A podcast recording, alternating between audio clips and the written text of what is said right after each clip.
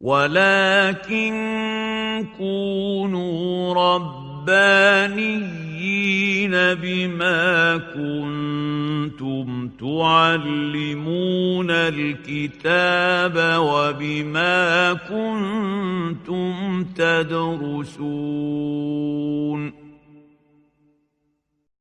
مرحبا بحضراتكم في هذا المجلس الجديد من مجالس التكوين. آه،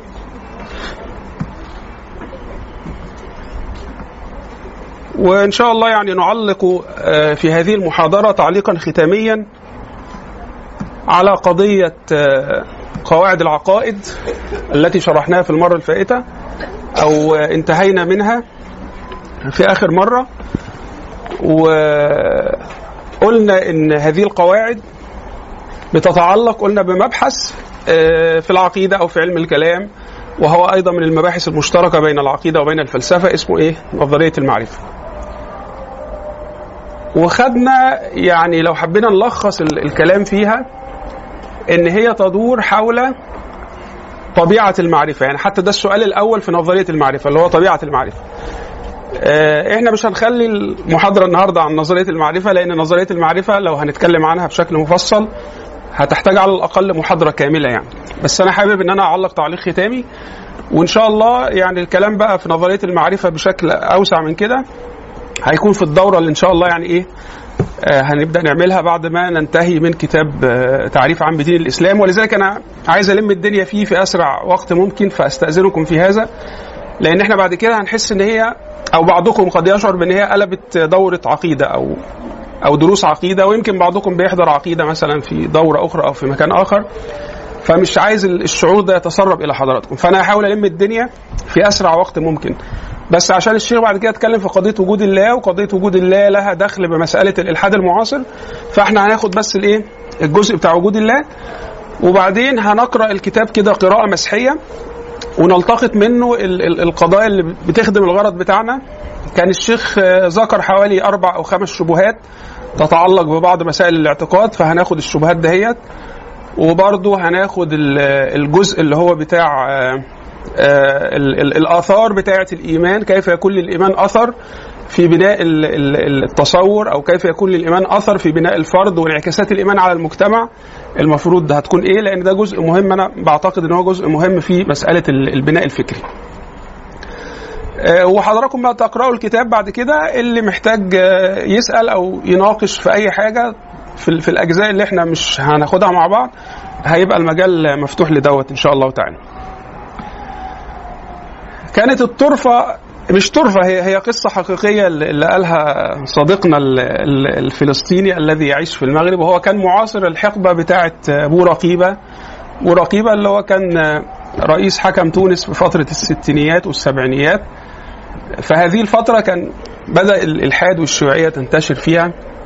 فهو كان يعرف واحد شيوعي ملحد آه، بس كان جزائري لأن طبعا أنتوا عارفين بلاد المغرب العربي إيه؟ يعني العلاقات بينها يعني إيه؟ آه وثيقة وكده. فهو بدأ إن هو يتكلم معاه عن الإسلام ويحاول إن هو يقنعه. فاتكلم معاه شوية عن الإسلام وبعض مبادئ العقيدة. فالراجل قال له والله أنت عندك حق. أنا من فترة كده كنت مسافر بالطيارة. فالطيارة يعني عملت كده حوادث في الجو والناس كلها قالت إحنا خلاص كده متنا. آه لكن الحمد لله ربنا نجانا. بيقول له ربنا نجانا وهو ملحد أصلا يعني. وأنا لقيت نفسي من ساعة ما نزلت الطيارة لحد ما خرجت المطار وأنا بردد لا إله إلا الله لا إله إلا الله بشكل تلقائي. مش عارف كنت بقولها إزاي. فعرفت إن أنا مسلم. فعرفت إن أنا مسلم. فده يؤكد ال- ال- القضية اللي الشيخ آه، اتكلمنا عنها قبل كده قضية أن التدين مسألة فطرية وأن هذه الفطرة بتحجب بأحجبة من الشبهات أو من الشهوات. هذه الأحجبة اللي بت- بتحجب الفطرة السليمة بتتمزق عند الإيه؟ الشدائد. وأعتقد ده كان ال ال ال ال يعني أشرنا إلى بعض هذه الإشارات في المرة ال- السابقة يعني. آه،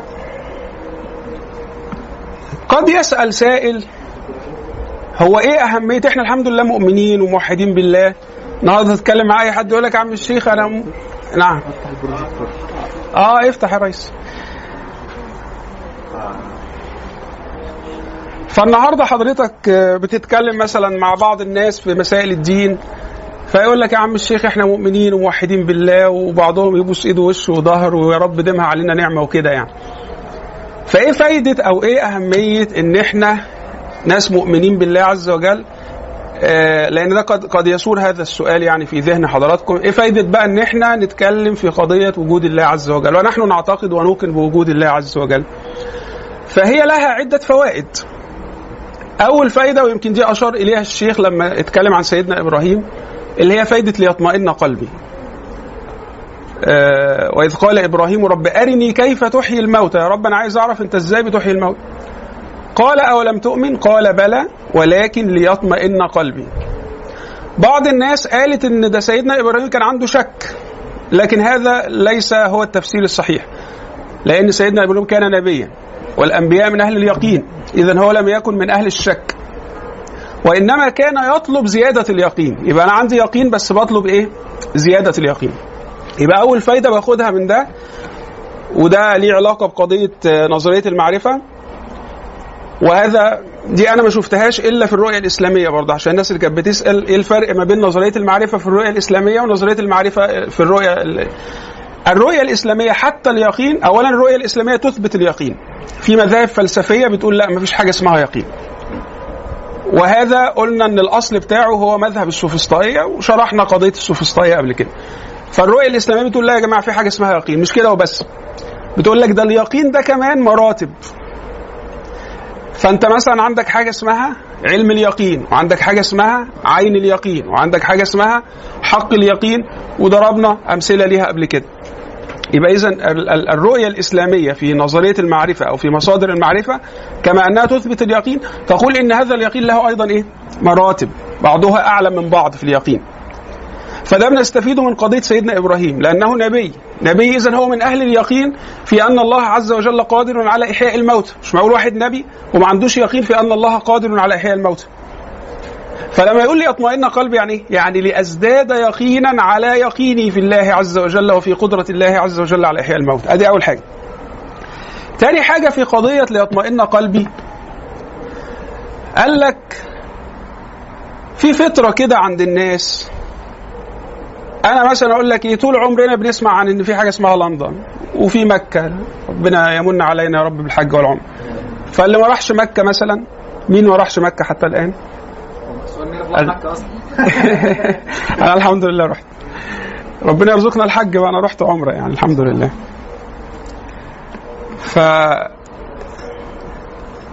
طبعا أنتوا أي حد فينا نفسه يروح مكة. قد يكون ده بدافع ديني طب خلينا نضرب مثل مثلا بلندن عشان دي ما فيهاش دافع ديني ولا حد عايز ي...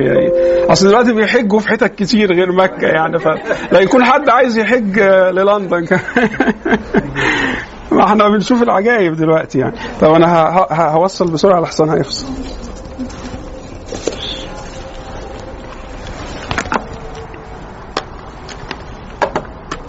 أنا بعمل إيه؟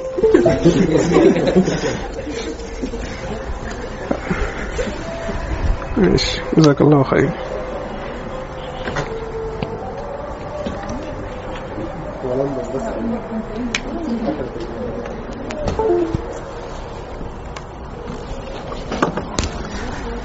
صليت على الحبيب صلى الله عليه وسلم.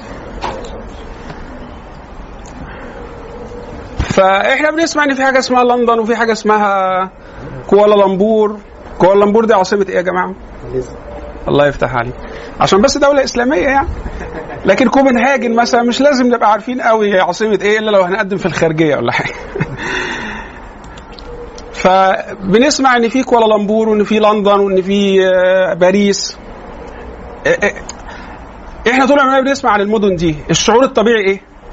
إمتى بقى ربنا يكرمنا كده ويفتح علينا ونروح لندن ونشوف البيج بن ون ونشوف برج إيفل صح ولا لأ؟ إن الإنسان لما بيسمع عن الحاجة كتير بيتولد عنده شعور فطري إن هو عايز بقى. أنت عندك يقين إن في لندن ولا ولا حد شاكك إن في بلد في العالم اسمها لندن؟ بالتواتر طبعا وكده. أصبح عندنا يقين إن في لندن. مفيش شك ولا حاجة. بس بالفطرة كده الإنسانية إن الحاجة اللي أنا سمعت عنها كتير بيبقى نفسي إن أنا إيه؟ ما اكتفيش بالسماع وإنما أروح إن أنا إيه؟ إن أنا أشوف. فهو سيدنا إبراهيم والحتة دي اشار إليها الإمام الزمخشري في تفسيره قال لك إن سيدنا إبراهيم عليه السلام كان عنده يقين مستفاد من العلم النظري. لكنه أراد أن يزيد هذا اليقين بالعلم الضروري. العلم الضروري قلنا زي العلم المستفاد من الإيه؟ من الحواس.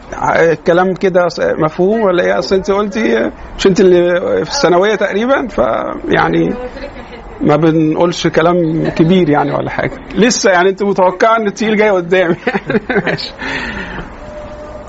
فهو الإمام الزمخشري وكانت لفتة جميلة.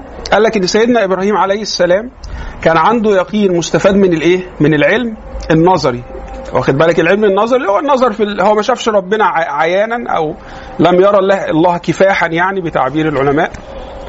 آه، ولكن حصل له يقين في وجود الله عز وجل. آه، واخد بالك؟ أراد بقى أن يطلب اليقين المستفاد من العلم الضروري اللي هو المعاينة بالإيه؟ بالحس. إن هو يشوف كده إيه؟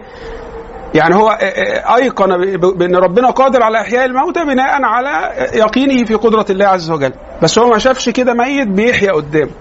فحب بقى يشوف المعاينة بقى اللي هي المسألة الفطرية إن الحاجة اللي أنا عندي اعتقاد فيها بناء على السماع بس ما شفتهاش أو بناء على ال ال ال القناعة العقلية بس لسه ما شفتهاش بحتاج إن أنا إيه؟ إن أنا أشوفها. فبدأ إن هو يطلب من الله عز وجل هذه المعاينة تجاوبا مع الفطرة الإيه؟ الإنسانية مش عشان سيدنا إبراهيم كان شاكك ولا حاجة. واخد بالك؟ يبقى اذا اذا زيادة اليقين من ضمن الوسائل بتاعتها إيه؟ تظاهر الأدلة. معلش تظاهر يعني إيه؟ هو برضو من يعني إيه؟ يعني من المظاهرات برضو بمعنى ما واخد بالك؟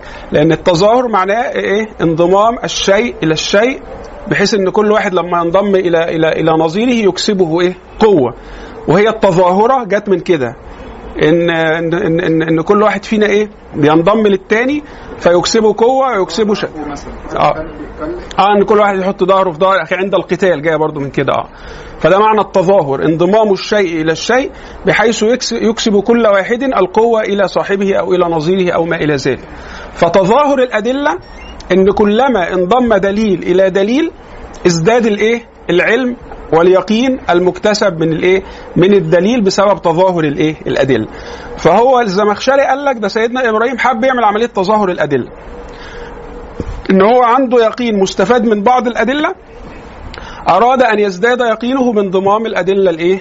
اللي تفيد العلم الضروري اللي هي أدلة الحس. لما ربنا يوريه حاجة كده وهي كانت ميتة وبتحيا فربنا قال له بقى إيه؟ آه، قال فخذ أربعة من الطير فصرهن إليك يعني قطعهم. آه، هنا بقى إيه يعني في حاجة بيسموها ملح العلم.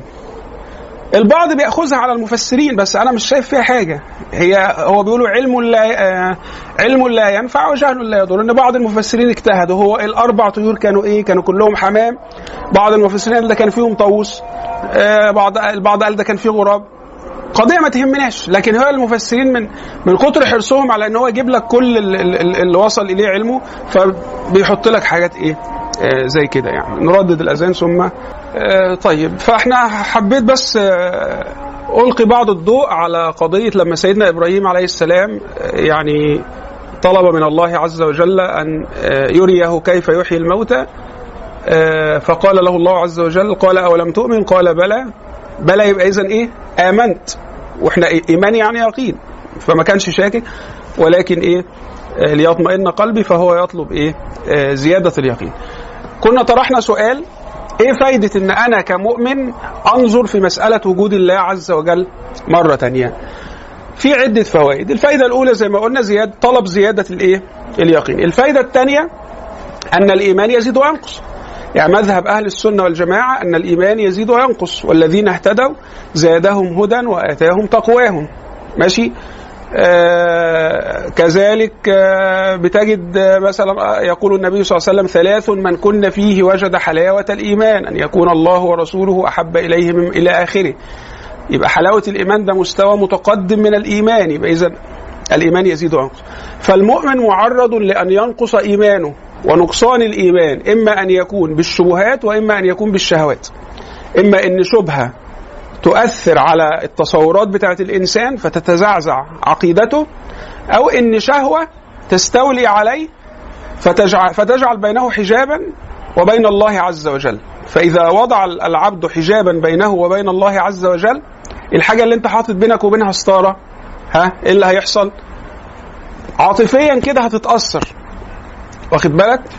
مش بس- ستارة انت اللي حطيتها بنفسك ستارة انت اللي تعمدت ان انت إيه تحطها. فهي الشهوات لما ينساق الإنسان وراء الشهوات وأقصد بالشهوات هنا الشهوات المحرمة فقد وضع بنفسه عن عمد حجابا يحجبه عن الله عز وجل فهذا يؤدي إلى أن ينقص يقينه في الله عز وجل. فنقصان اليقين يكون باستيلاء الشهوات على العقل أو باستيلاء الش... استيلاء الشبهات على العقل أو است... استيلاء الشهوات على الإيه؟ على القلب.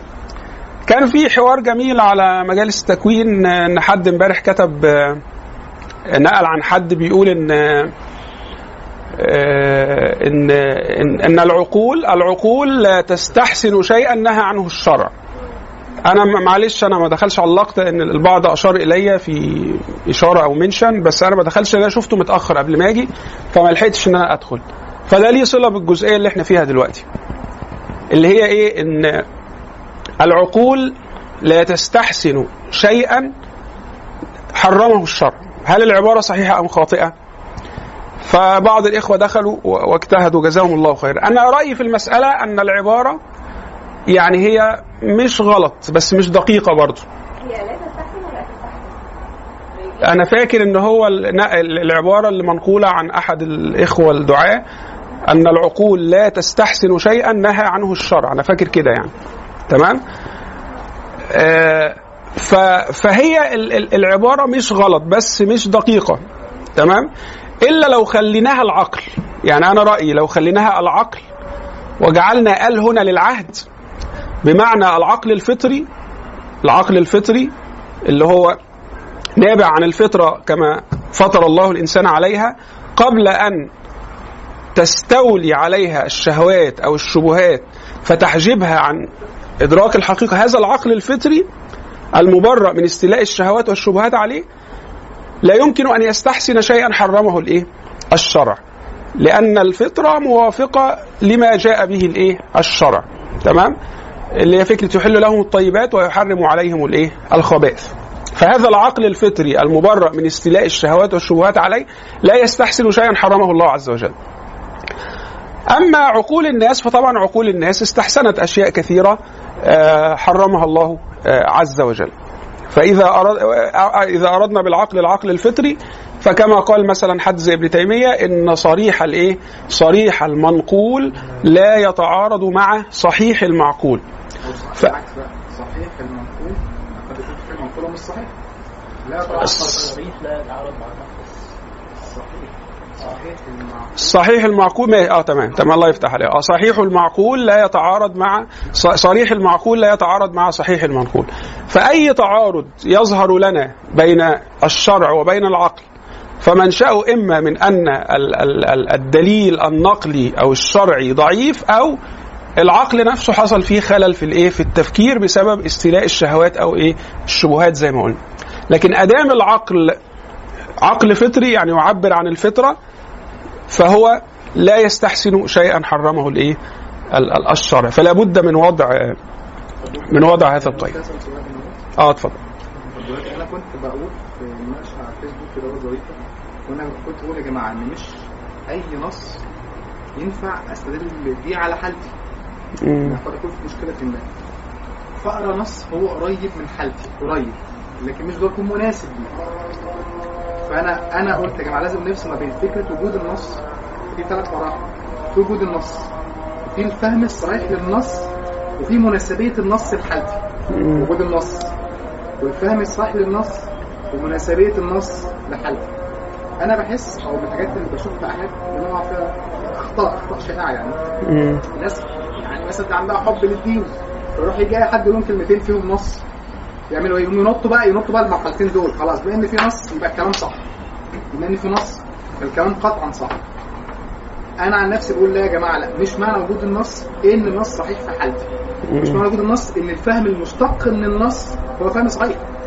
تمام؟ يعني في الآخر قد يكون واحد بيشرح لي نص ما يعني قد يكون بلاش قد يكون مثلا واحد من الدعاء بيشرح نص بفهم, ما فاهم ده مش يكون مختلف عليه بس قد يكون في فهم أصح أو فهم أعمق. مش صح فهم أعمق منه. تمام؟ فحضرتك إيه رأيك في الكلام اللي أنا بقوله؟ هي صيدلية. وصيدلية مليانة أدوية. وكلها أدوية. تمام؟ و... وفيها علاج لمختلف الأمراض. تمام؟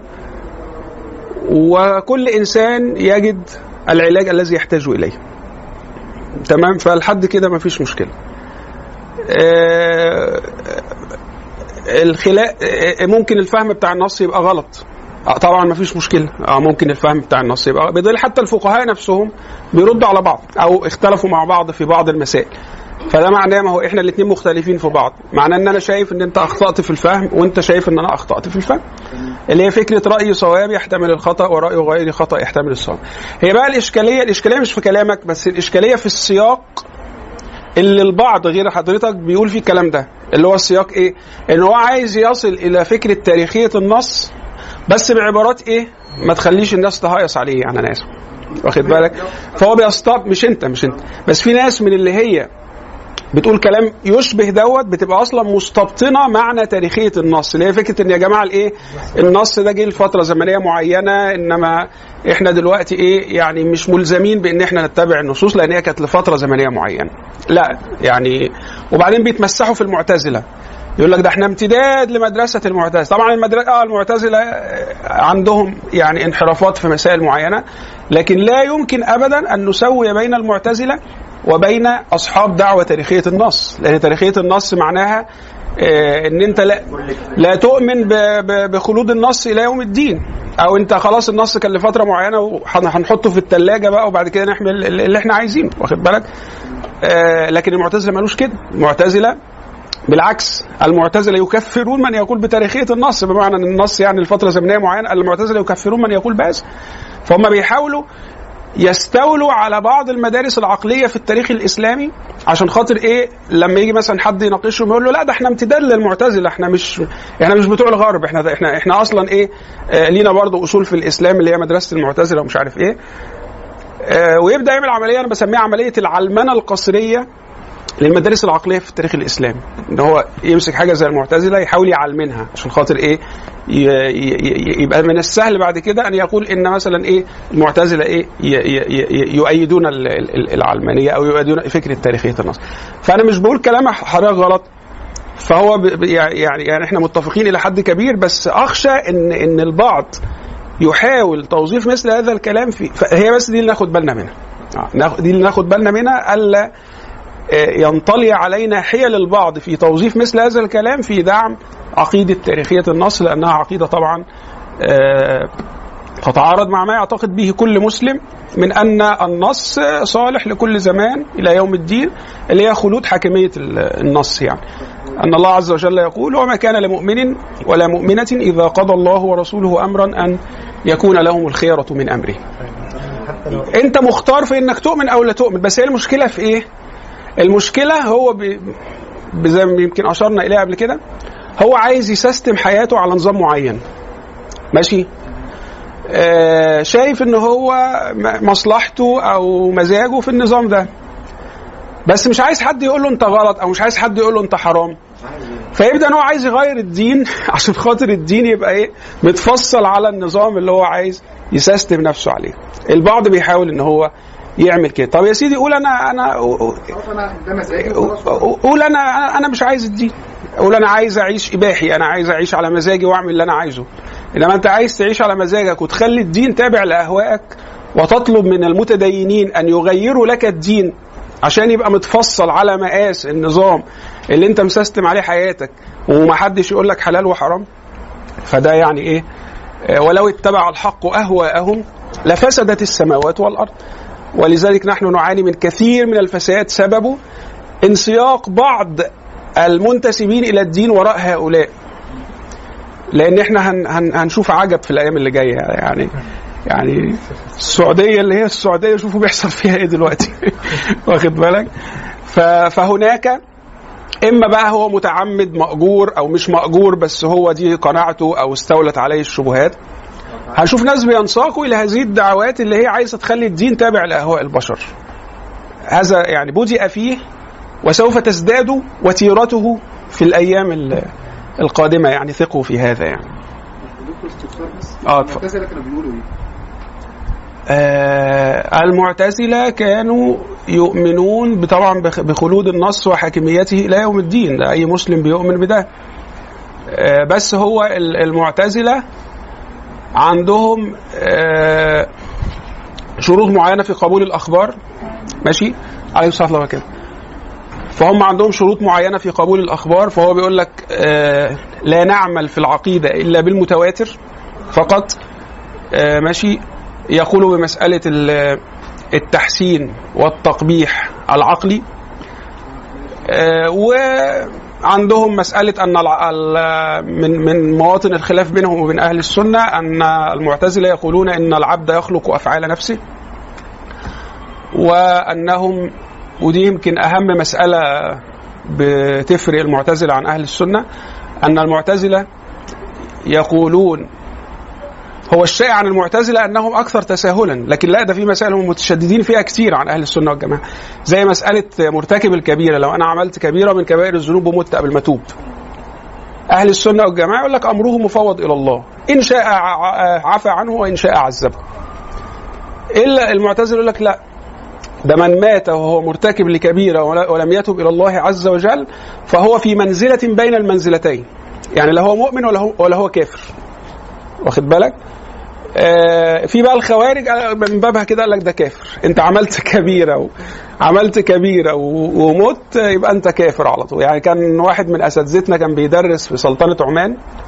سلطنة عمان إباضية. الإباضية ده مذهب من مذاهب الخارج فبقول لك هو عندهم لو لو مشيت الموس على على لحيتك يبقى انت كده كافر. لأن هم بيعتقدوا أن آه بي- بيعت- بيعتقدوا أن حلق اللحية كبيرة ف... فأنت كده ارتكبت كبيرة. ده حتى دول يعني يعني حتى الخوارج ما أعرفش يعني, يعني برضه أنا شايفه حتى دول متشددين زيادة عن الخوارج كمان لأن الخوارج بيقولوا لو مت وأنت مرتكب للكبير لكن بعض الخوارج حتى ما فهموش مذهب الخوارج نفسه. فيكفرون مرتكب الكبيره وهو لسه حي قبل أن يموت يعني طب استنوا لما الراجل يموت وبعدين كفروه براحتكم يعني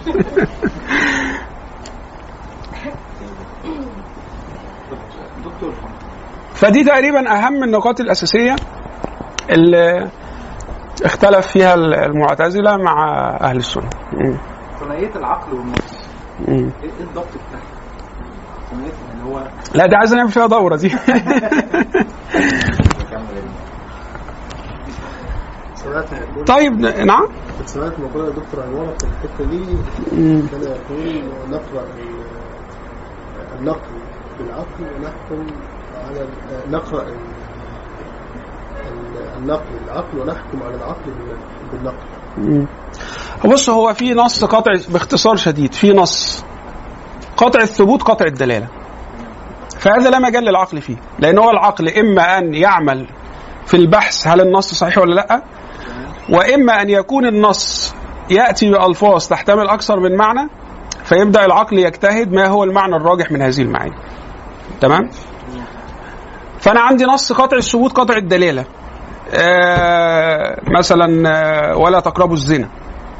ده ده إيه العقل هيعمل فيه إيه ده؟ قطع الثبوت لأنه قرآن ثابت بالتواتر أو حديث متواتر. قطع الدلالة لا تقربوا الزنا نهي جازم اهو يدل على التحريم باللغة وبالعقل وبالاتفاق وكل حاجة. فده العقل هيعمل فيه إيه؟ واخد بالك؟ آه العقل هنا مم- ممكن العقل هنا مش هيجتهد بقى في النص هيجتهد في تنزيل النص. هل اللي حصل ده زنا ولا مش زنا؟ هل مثلا حصلت حالة معينة؟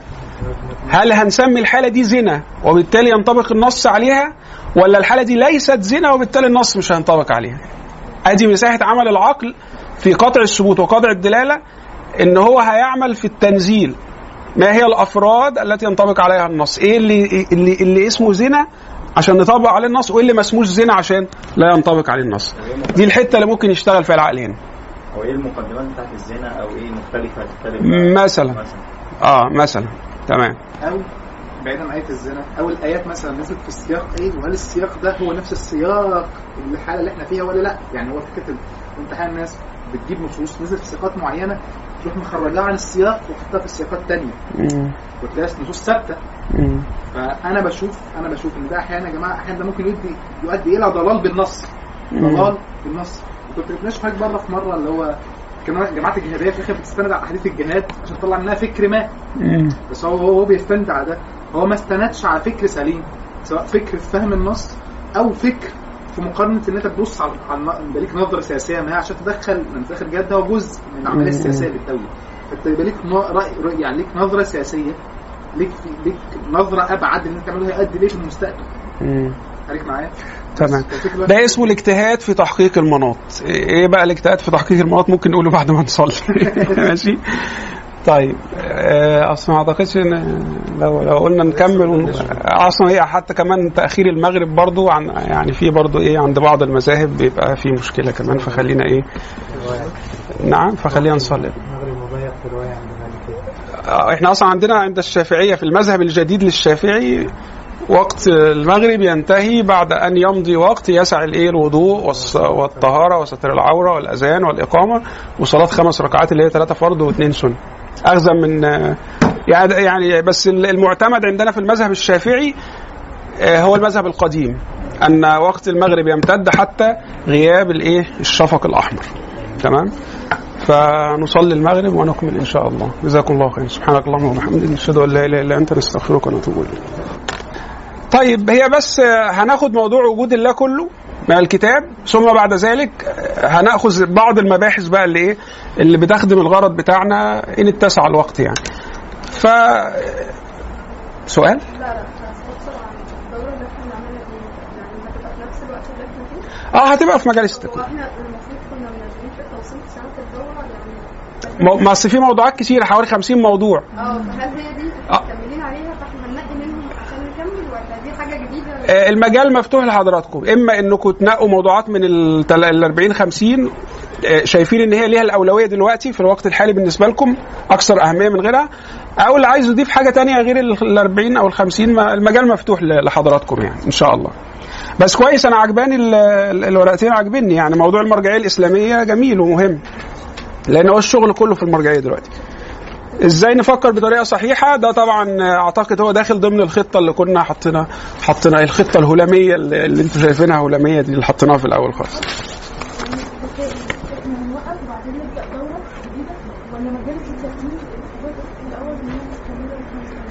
لا مش هنوقف يا فندم. هذه الدورة في إطار مجالس التكوين. زي ما إحنا. لا انت قصدك في مواعيد تانية وكده يعني؟ لا. لا لا. هي مجالس التكوين يعني الدورة هتبقى كل يوم خميس في نفس الميعاد برضه. هنشوف بقى الموضوع هينزل في إيفنت ولا هيبقى زي ما إحنا كده هنشوف. بس هي هتبقى دورة وهيبقى ليها جدول وهنعلن الجدول بتاعها وكده يعني. وطبعا بما إنكم أكيد زهقتوا مني فهنجيب لكم إيه؟ هيبقى في مشاركة من أساتذة تانيين يعني. ربنا يكرمك يا رب.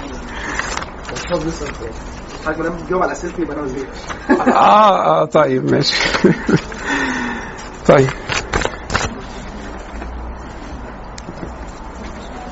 آه ف آه، وجود الله. ربنا موجود بقى يا إخوان؟ إيه؟ ما هو محطوط يا فندم. آه. نعمل ده شوية كده عشان تبقوا شايفين الميكروفون. طيب يلا نقطة نظام. صلوا على الحبيب صلى الله عليه وسلم. كله بيتسجل. آه، وجود الله عز وجل آه، افتتحنا بسؤال إيه أهمية إن أنا كمؤمن آه، آه، أنظر في وجود الله أو أدرس وجود الله عز وجل؟ فقلنا أول حاجة زي ما عمل سيدنا إبراهيم فكرة ليطمئن قلبي إن ال- ال- النفس فطرت على لا هي مش دي يعني هي فكرة زيادة اليقين. إن أنا عندي يقين بس أطلب إيه؟ زيادة اليقين. ال- الأمر الثاني أن الإيمان يزيد وينقص. أنا الحمد لله مؤمن لكن هل أنا أضمن إن منسوب الإيمان عندي هيظل مستمر بنفس الدرجة؟ مش هيقل لأ منسوب الإيمان ممكن يقل. إما بسبب شهوة تستولي على العقل أو شبهة إما بسبب شهوة تستولي على القلب أو شه أو شبهة تستولي على العقل. فده بيعرض منسوب الإيمان عندي إن هو إيه؟ يقل. فدي فايدة إن أنا أبقى دائم النظر في الأدلة التي تدل على وجود الله عز وجل لأن تظاهر الأدلة كما قال الزمخشري في تفسيري ولكن ليطمئن قلبي لأن تظاهر الأدلة على الشيء الواحد يؤدي إلى زيادة اليقين في هذا الشيء أو في هذه الإيه؟ ال- الحقيقة.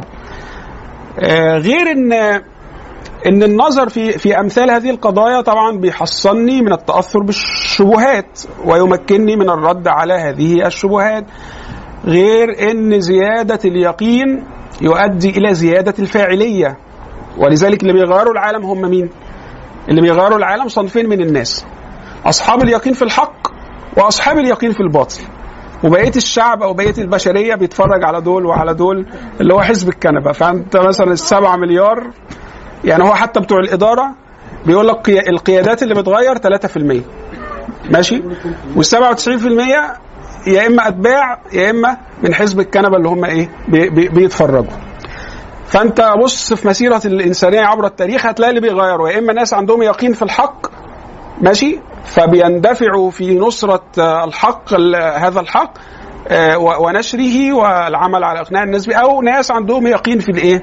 في الباطل ولذلك سيدنا عمر بن الخطاب رضي الله تبارك وتعالى عنه كان يستعيذ بالله من إيه؟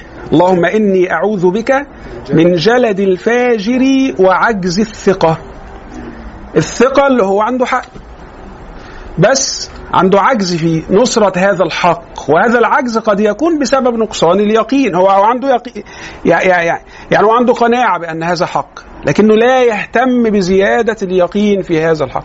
فكلما ازداد الإنسان يقينا اليقين ده مش هيفضل محبوس كده جوه الذهن أو جوه الدماغ لازم اليقين ده هيترجم في صورة إيه؟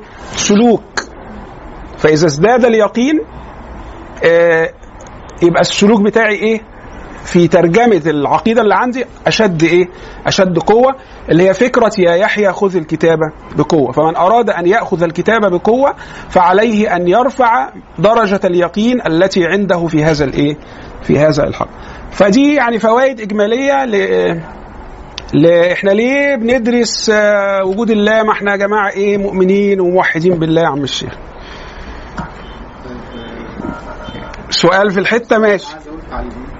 في الحتة برضه ماشي. لكن بره الحتة لا. كلها هو اليقين لا يساوي المعرفه هو اليقين درجه درجة من درجات المعرفة. يعني المعرفة قد تكون معرفة يقينية وقد تكون معرفة ظنية.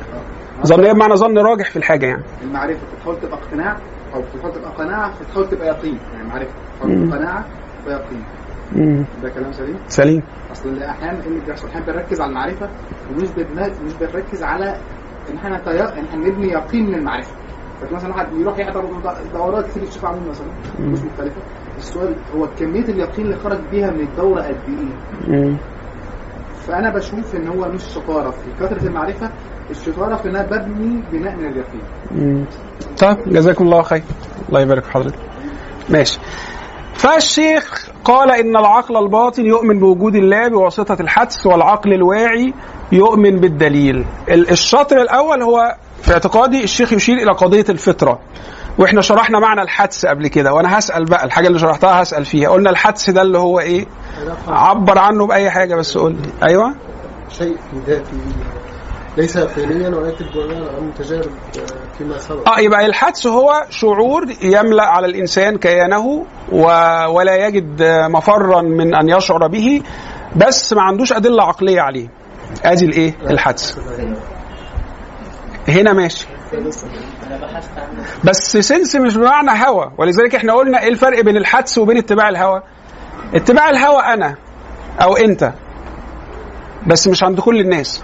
إنما الحدس ده مسألة فطرية بنلاقيها عند كل الناس تقريبا يعني. فهو ده ده الع- العلامة ما بين الحدس وما بين اتباع الإيه؟ اتباع الهوى. زي الراجل الملحد كده لما الطيارة كانت هتموت الناس وأول ما نزل قعد يقول لا إله إلا الله. دلوقتي يا جماعة أنا عرفت أنا مسلم. هو ده الحدس آه. ف, ف ولذلك يعني كان في مثل كده في, في أوروبا يقول لك إيه لا يوجد ملحدون في الإيه في الخنادق. يعني في الحرب كل الناس حتى الملحد بيقول يا رب انصرنا يعني على أعدائنا آه ماشي؟ فهي دي فكرة ال- ال- الفطرة العقل الباطن. أنا يعني أنا شايف هي فكرة العقل الباطن يعني قريبة جدا من من من مسألة ال- ال- الفطرة يعني التي فطر الله الناس عليها. آه، والعقل الواعي يؤمن بالإيه؟ بالدليل اللي هي فكرة إيه؟ ولكن آه، ليطمئن قلبي. طب إيه اللي بيخلي الأشياء البديهية تغيب عن الناس؟ وده سؤال مهم جدا. لأن إحنا أصبحنا في زمان الناس حتى البديهيات الناس بت بت بت ب- ما بتؤمنش بيها أو بتناقش فيها. واخد بالك؟ آه، فالشيخ هنا أكمل بس الش- الشرح وبعدين لو في الحتة ماشي. فهو الشيخ بيقول إحنا بنلاحظ إن في بديهيات بتبقى غايبة عن أذهان الناس. إيه اللي بيخلي البديهيات تغيب عن أذهان الناس؟ إن الإنسان دايما إيه عارف ودنك منين يا جحا؟ واخد بالك؟ من هنا ويروح لافف في دراعه كده واخد بالك؟ طب ما هو ما هو لاز- إيه إيه لازمة إنك تروح للودن الثانية يعني؟ فأنا الأقرب إلي نفسي ولا العالم الخارجي؟ الأقرب إلي نفسي. طب أبدأ بالنظر. في هذه النفس. هجد عالم وتزعم أنك جرم صغير وفيك انطوى العالم الأكبر. ده أنت يا عم جواك عالم مترام مترامي الأطراف ومليان بالحقائق. انظر في نفسك وأدرك هذه الإيه؟ وأدرك هذه الحقائق. وفي أنفسكم أفلا تبصرون؟ وبعدين بص لل- للعالم الخارجي. ستجد أن تصميم العالم الداخلي بتاعك دهوت يشبه تصميم العالم الخارجي. فتستدل من هذا أن الذي صمم هذا العالم الداخلي النفسي هو الذي صمم هذا العالم الإيه؟ الخارجي. وأنا في اعتقادي ان إن سيدنا إبراهيم ودي أشار برضو إليها الشيخ وكذلك نري إبراهيم ملكوت السماوات والأرض وليكون من الموقنين. فلما جن عليه الليل رأى كوكبا وبعدين فلما أفل قال لا أحب الآفلين. أنا في اعتقادي إن هنا سيدنا إبراهيم لاحظ وجود تصميم ما ولاحظ وجود نظام ما. ما هو سيدنا إبراهيم عارف إن النجم لما بيقفل بيطلع تاني بس هو هو إيه إيه إيه هو عمل إيه؟ هو عمل انتقال من ملاحظة النظام والثبات إلى ملاحظة الذي وضع هذا النظام وإيه؟ وثبته. إن أدام الحاجة دي ماشية على نظام لا يتغير إذا وراءها منظم فبدأ ينتقل من ملاحظة النظام إلى ملاحظة الت- ال- المنظم ومن ملاحظة التبدل إلى ملاحظة الإيه؟ المبدل والله أعلم يعني. فأكثر الناس لا ينتبهون لهذه البديهيات لأنهم لا ينظرون إلى داخل النفس وطبعا الشيخ هنا ضرب بقى أمثلة كتير إن العين فيها 130 مليون كاميرا و و و والكبد إن الخلية الواحدة من خلايا الكبد لو حبينا نخترع جهاز يقوم بنفس العمل اللي بتعمله خلية واحدة من خلايا الكبد هنحتاج إن إحنا نصمم جهاز ضخم جدا يملأ مساحة كبيرة جدا ولن يقوم بكل الوظائف التي تقوم بها خلية؟ الكبد. واستفاض الشيخ في ذكر أمثلة كثيرة كيف أن الإنسان في داخله عالم واسع مترامي الأطراف ولكنه لا ينتبه إلى هذا الإيه؟ إلى هذا آه العالم. نسوا الله فأنساهم إيه؟ فأنساهم أنفسهم. هي حتة الأخلاق وحب الخير والجمال آه، تقريبا يمكن ما- مش يمكن دي إضافة على كلام الشيخ إن ده برضو مما يضع ال- ال- ال- ال- ال- ال- ال- الحد في ورطة. يعني حتى كان في عالم بريطاني اسمه مش عارف فرانك إيه مش آه، مش إنج آه، نيجل حاجة نيجل فرانك نيجل أو حاجة حاجة نيجل. فكان مؤلف كتاب اسمه العقل والكون. كيف أخطأت الداروينية المعاصرة. آه، ففي هذا الكتاب قال إن آه، الإلحاد المعاصر يعاني من ورطة أو أزمة لأنه يعجز عن تقديم تفسيرات مقنعة في ثلاث مباحث اللي هي مبحث القيم ومبحث الوعي ومبحث الإيه؟ الإدراك. يبقى مبحث الوعي مبحث الإدراك مبحث القيم.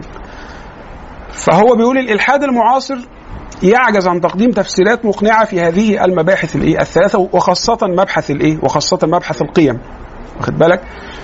آه ولذلك الإلحاد المعاصر بدأ إن هو عشان يعوض إن في شعور فطري عند الإنسان بحب التدين لدرجة إن أحد ال- المؤرخين ال- اسمه ليوتارك تقريبا كان مؤرخ يوناني فقال يعني أنا فتشت وكان رحالة يعني. فقال أنا تقريبا لفيت مدن العالم ودول العالم فوجدت مدن ليس فيها ملك الناس عايشة فيها كده يعني. ووجدت مدن ليس فيها سوق ووجدت مدن ليس فيها مسارح لكني لم أجد مدينة بلا معبد لأن التدين مسألة فطرية.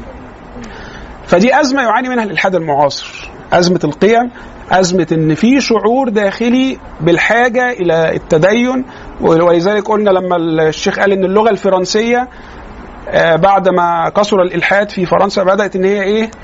تخترع عبارات كده تترجم آه، إحساس الإنسان بمعنى التدين فسمى الحب عبادة وإن المحبوب زي المعبود وما إلى ذلك يعني.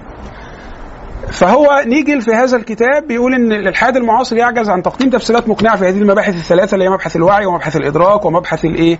ومبحث القيم. آه، فدي ورطة من آه، هذه ال- ال- ال- الورطات يعني. وكتاب الله يتجلى في عصر العلم كان الشيخ اتكلم عنه وضرب آه، أمثلة منه. من ضمن الأمثلة لما قال إن فرانك دهوت فرانك ألن أثبت إن العلم الحديث يثبت استحالة قدم العالم. قدم العالم بمعنى أن العالم ليس له بدايه فالعلم الحديث يثبت أن هذا العالم المخلوق لابد أن تكون له إيه؟ آه، بداية وضرب أمثلة كثيرة. وهو كتاب جيد أنا لسه ما قريتوش بس آه، سمعت عنه كلام كتير إيجابي. فننصح يعني إن إحنا نقرأه إن شاء الله. آه، مجموعة مؤلفين. الله يتجلى في عصر العلم. مجموعة مؤلفين. فمنهم تقريبا فرانك ألن ده وفي شمس الله تشرق على الغرب بتاع زج آه، زيجريد هونكه آه، أيضا من الكتب المهمة في هذا الإطار وفي كتاب بتاع موريس بوكاي اللي هو الإسلام والتوراة والإنجيل على ضوء الاكتشافات العلمية الحديثة وده كان طبيب فرنسي عمل دراسات على دراسات علمية آه، على القرآن والتوراة والإنجيل وقاده قاده الأمر في النهاية إلى ال- إلى الإسلام. غير العاقل لا يمنح العاقل. دي برضو من ضمن ال- الورطات التي يقع فيها الإلحاد المعاصر اللي هي سلمنا أن العشوائية أوجدت عالما. ولكن كيف يقبل العقل وكيف يقبل العقلاء أن العشوائية تنتج نظاما؟ يعني خلينا مثلا نسلم إن أنت ممكن ترمي شوية بلاستيك على شوية حديد آه، ويتألف منها الكمبيوتر. خلينا نسلم بهذا وهو غير مسلم يعني. فعمل لك البناء كده بتاع الكمبيوتر. طب كيف يقبل العقل أن العشوائية تصمم نظام التشغيل ال operating system بتاع هذه الإيه؟ الكمبيوتر؟ فالعشوائية حتى وإن سلمنا أن العشوائية يمكن أن تنتج بناء فلا يمكن التسليم بأن العشوائية تنتج النظام. البعض بيسميها ورطة السوفت وير يعني اللي هي من ضمن ورطات ال- الإلحاد برضه يعني. نعم؟ الامر على نفسه ده هو نظام أو طبعا عباره الشيخ هنا برضو معبرة. بيقول لك غير العاقل لا يمنح العقل كيف يقبل عاقل ويدعي العقلانية؟ أن الطبيعة غير العاقلة تنتج انسانا عاقلا. فده برضو من ضمن يعني الإيه؟ المضحكات. وتجربة سيدنا إبراهيم اتكلمنا آه، عنها. هو حتى قال إن الطبيعة فعيله وصيغة فعيل يعني الطبيعة بمعنى مطبوعة. فمن الذي إيه؟ طبعها؟ وده حتى الشيخ هو الشيخ ما, ما اشارش إلى الأدلة بتاعة علم العقيدة التي تكلم عنها علماء العقيدة في إثبات وجود الله. فده يشير إلى دليل الإيه؟ دليل الحدوث. يعني من ضمن الأدلة على وجود الله عز وجل دليل الحدوث. دليل الحدوث أننا ننظر إلى هذا في هذا العالم فنلاحظ التغير والتبدل من حال إلى حال. فالعقل إذا لاحظ التغير فإنه يتساءل عن الايه؟ المغير والمبدل والمحول من حال إلى حال والصياغة بتاعتها عند علماء العقيدة أن هذا العالم متغير وكل متغير حادث وكل حادث لا بد له من إيه؟ من محدث موجود. وفي دليل تاني اللي هو دليل الأثر أن كل أثر لا بد له من إيه؟ من مؤثر وموجد إيه؟ يوجده فده يعني تعبير عن بعض الأدلة التي استدل بها المتكلمون على وجود الله. آه مثال القصر والسجاد والساعة. هو عامل زي مثال الكمبيوتر اللي هي فكرة اللي يعني احتمالية إن آه، شوية حديد على شوية القصر بقى شوية آه، أسمنت على شوية زلط على شوية معرفش إيه يعملوا قصر. يعني احتمالية تقريبا شبه مستحيلة. ومع ذلك فالإلحاد المعاصر قبل بهذه الاحتمالية آه، لكي يقدم تفسيرا في مسألة آه، آه، الخلق. آه، ان حد قال احتمال اصطدام الك- الكواكب زي احتمال اصطدام ست نحلات في هذا الفضاء مترامي آه، ال- آه، الأطراف. ده كان مثال أنا استدعيته هنا لأن الشيخ كان قاله في أول الكتاب اللي هو لو إحنا جبنا كورة بيضة وحطيناها مع خمس كرات حمراء يبقى احتمالية إن أنا أطلع الكرة البيضاء واحد إلى خمسة. طب كرة بيضاء حطيناها مع 10 كرات حمراء. احتمالية إن اطلع البيضة بقت واحد إلى 10 خليناها 100 بقت واحد إلى 100 خليناها ما لا نهاية هو ده الاحتمال اللي مسك فيه الإلحاد. احتمال واحد إلى ما لا نهاية. ماشي؟ هو ده ال- ال- ال- الإلحاد اللي مسك ال- الاحتمال اللي إيه؟ اللي, اللي مسك فيه الإلحاد. والشيخ ختم بحاجه أنا سميتها إحياء ظاهرة ميتة. إحياء ظاهرة ميتة ده آه، توصيف الكلام الشيخ. لأن هو الشيخ قال إن على أيامهم ما كانش بيتكلم بهذا الكلام إلا آه، أشباه العلماء أو أنصاف المتعلمين. لكن إحنا في عصرنا الآن يتم تصدير آه، أناس يتكلمون بهذه الشبهات ويعتبرون أئمة الفكر ال- العلم في عصرنا. فأنا سميت دوت يعني بإيه؟ آه، بإحياء قضية إيه؟ آه، القضية الثانية اللي ذكرها الشيخ اللي هي قضية الله رب العالمين. اتفضلي حضرتك م- م.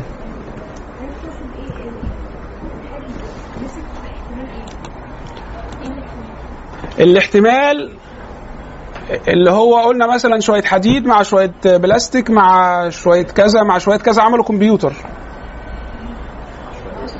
هي دي- الحاجة اللي بيدعيها أن هذا العالم نتج من الإيه؟ من العشوائية. فإحنا عشان نقرب المثال فبنقول مثلا إن أنا اللي هو مثال القصر مثلا اللي ضربه الشيخ إن أنا جبت شوية أحجار حطيتها جنب شوية آه، زلط حطيتها جنب شوية خشب. فجه شوية هواء فراحوا زقوا الخشب على الزلط على الأحجار فاتعمل منها قصر. ده تقريبا احتمال واحد إلى ما لا نهاية. ومع ذلك هذا الاحتمال أخذ به الالحاد في تفسير نشأة هذا الإيه؟ نشأة هذا الكون بطريقة آه، عشوائية. هو ده ال- الاحتمال يعني اللي أنا كنت آه، بتكلم عنه. اتفضل. في الحتة؟ طيب. أول حاجة في العقل الباطن حضرتك اللي هي أقرب للفطره م- هو مش هي لها علاقة بالحدث العقل الباطن آه، أنا مش عايز أفتي في علم النفس لأن أنا ما اطلعتش عليها من وجهة نظر علم النفس بس هي تشبهها إلى حد كبير.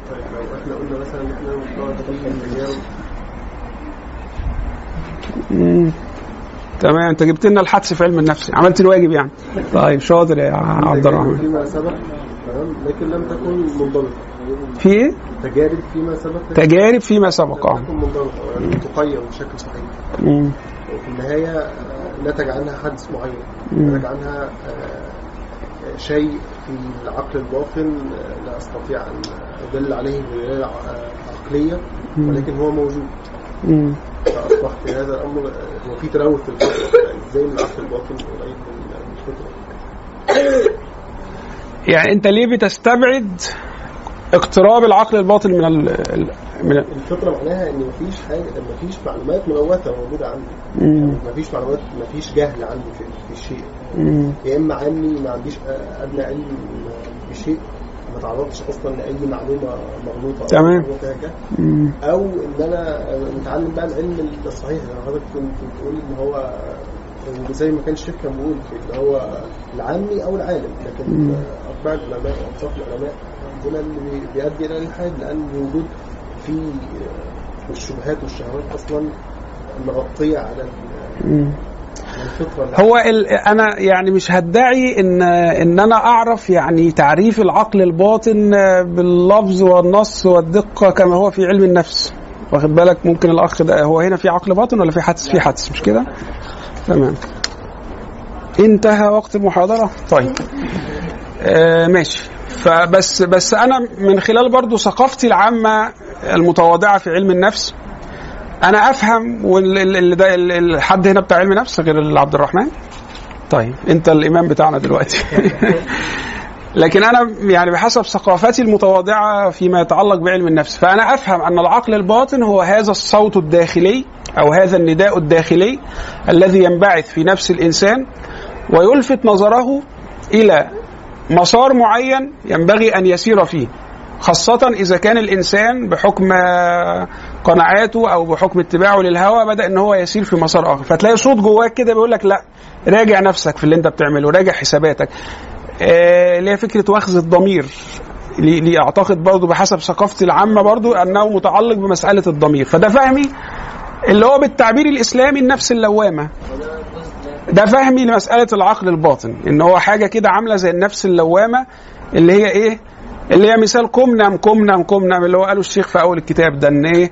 النفس اللوامة تقول لك قوم صلي الفجر النفس ال- ال- الاماره بالسوء واخد بالك؟ تقول لك لا خليك متدفي تحت الإيه؟ البطانية. يمكن ما بقاش كده نفس المره بالسوق دلوقتي. الخير فيها وفي أمتي إلى يوم الدين. فعشان كده أنا قلت إن العقل الباطن قريب من مسألة الإيه؟ ال- ال- الفطرة.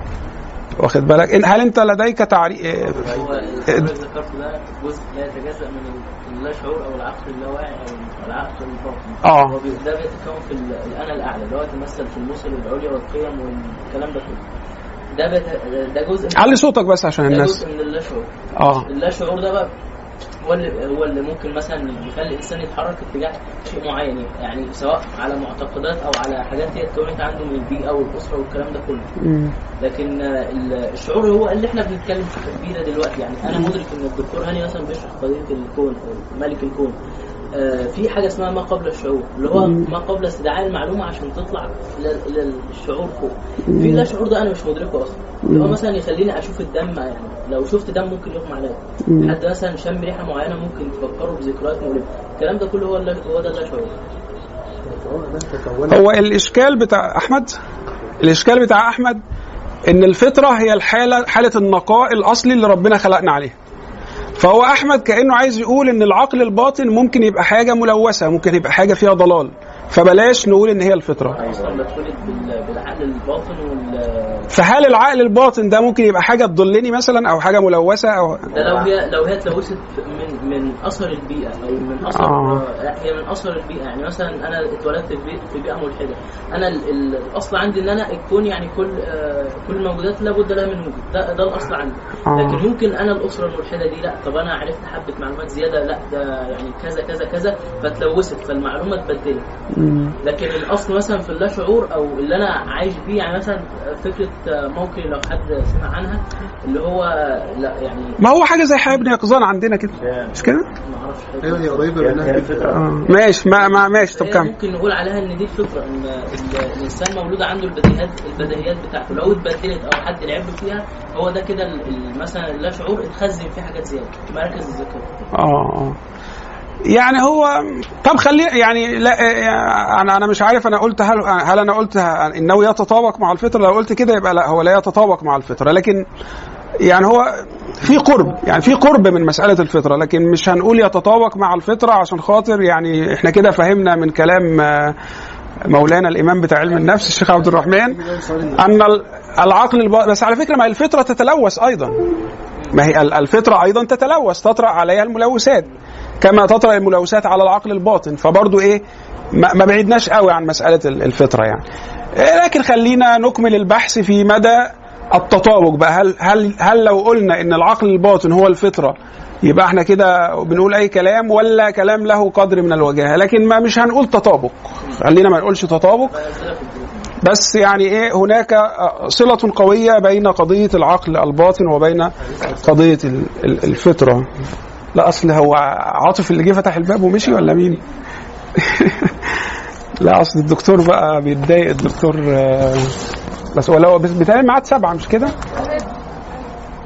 طب عشان أحمد بس إيه آه، طب قول هو عن تجريد سيدنا إبراهيم اول حاجة الكوكب وبعدين القمر وبعدين الشمس وبعدين في الآخر إني وجهت وجهي فأنا هن- هنسقط ده على مصادر المعرفة. اول حاجة الحس أدرك الشيء ويقول بعد كده حصل عنده حق فكيف تصلح ما ينفعش كل القمر أصبح ما ينفعش كل ده. الشمس أصبح ما ينفعش كل ده. تمام. إيه اللي حصل في النص بقى؟ آه، إني وجهت وجهي لله هل ده متعلق بالحدس ولا هل هو متعلق ب ولقد آتينا إبراهيم لا، مش حدس. لا لا لأن إحنا.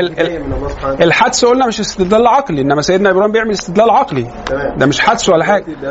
هو هو قد يكون انطلق في التجربة من نداء الحدس لكن العملية دي لا توصف بأنها حدس لأن العملية دي عملية نظر واستدلال عقلي. طيب، فهي ليست حدسيه في النهاية بقى التحويله دي هل هي مثلا متعلقة ب مثلا لقد آتينا إبراهيم رشده من قبل أم متعلقة مثلا ما عشان كده قالوا إن هو ما كانش شاكك آه آه، واخد بالك؟ كنت آه، حد من العلماء قال يعني إن إن هو كان بي- بيعمل ده قدام اسلوب من اساليب الدعوه تمام وهذا هو الراجح وهذا هو يعني الراجح أنه فعل هذا من أجل أن آه، يعني يستدرك قومه إلى الحقيقة شيئا فشيئا بطريقة الإيه؟ بطريقة الصدمات المعرفية. إن هو يعمل لهم صدمة كده. واخد بالك؟ وأعتقد هو هذا هو التفسير الراجح في في القضية. آه، بعض المفسرين قال إن هو لا هو سيدنا إبراهيم نفسه طرأت له حالة من حالات الشك التي يمكن أن تطرأ على أي إنسان. ده تفسير موجود مش هننكره يعني آه، ولكن حتى اللي قال إن هو ما كانش عنده حالة شك ولا حاجة استدل بقوله تعالى ولقد أتينا إبراهيم رشده من إيه؟ آه، من قبل والله تعالى اعلى واعلم. تمام؟ وجزاكم الله خيرا سبحانك اللهم وبحمدك نشهد أن لا إله إلا أنت نستغفرك ونتوب إليك.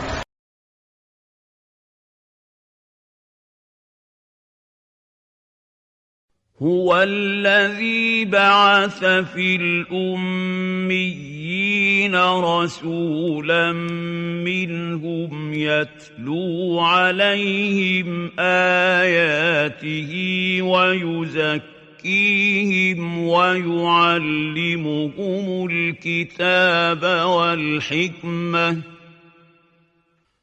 ويعلمهم الكتاب والحكمة وإن كانوا من قبل لفي ضلال مبين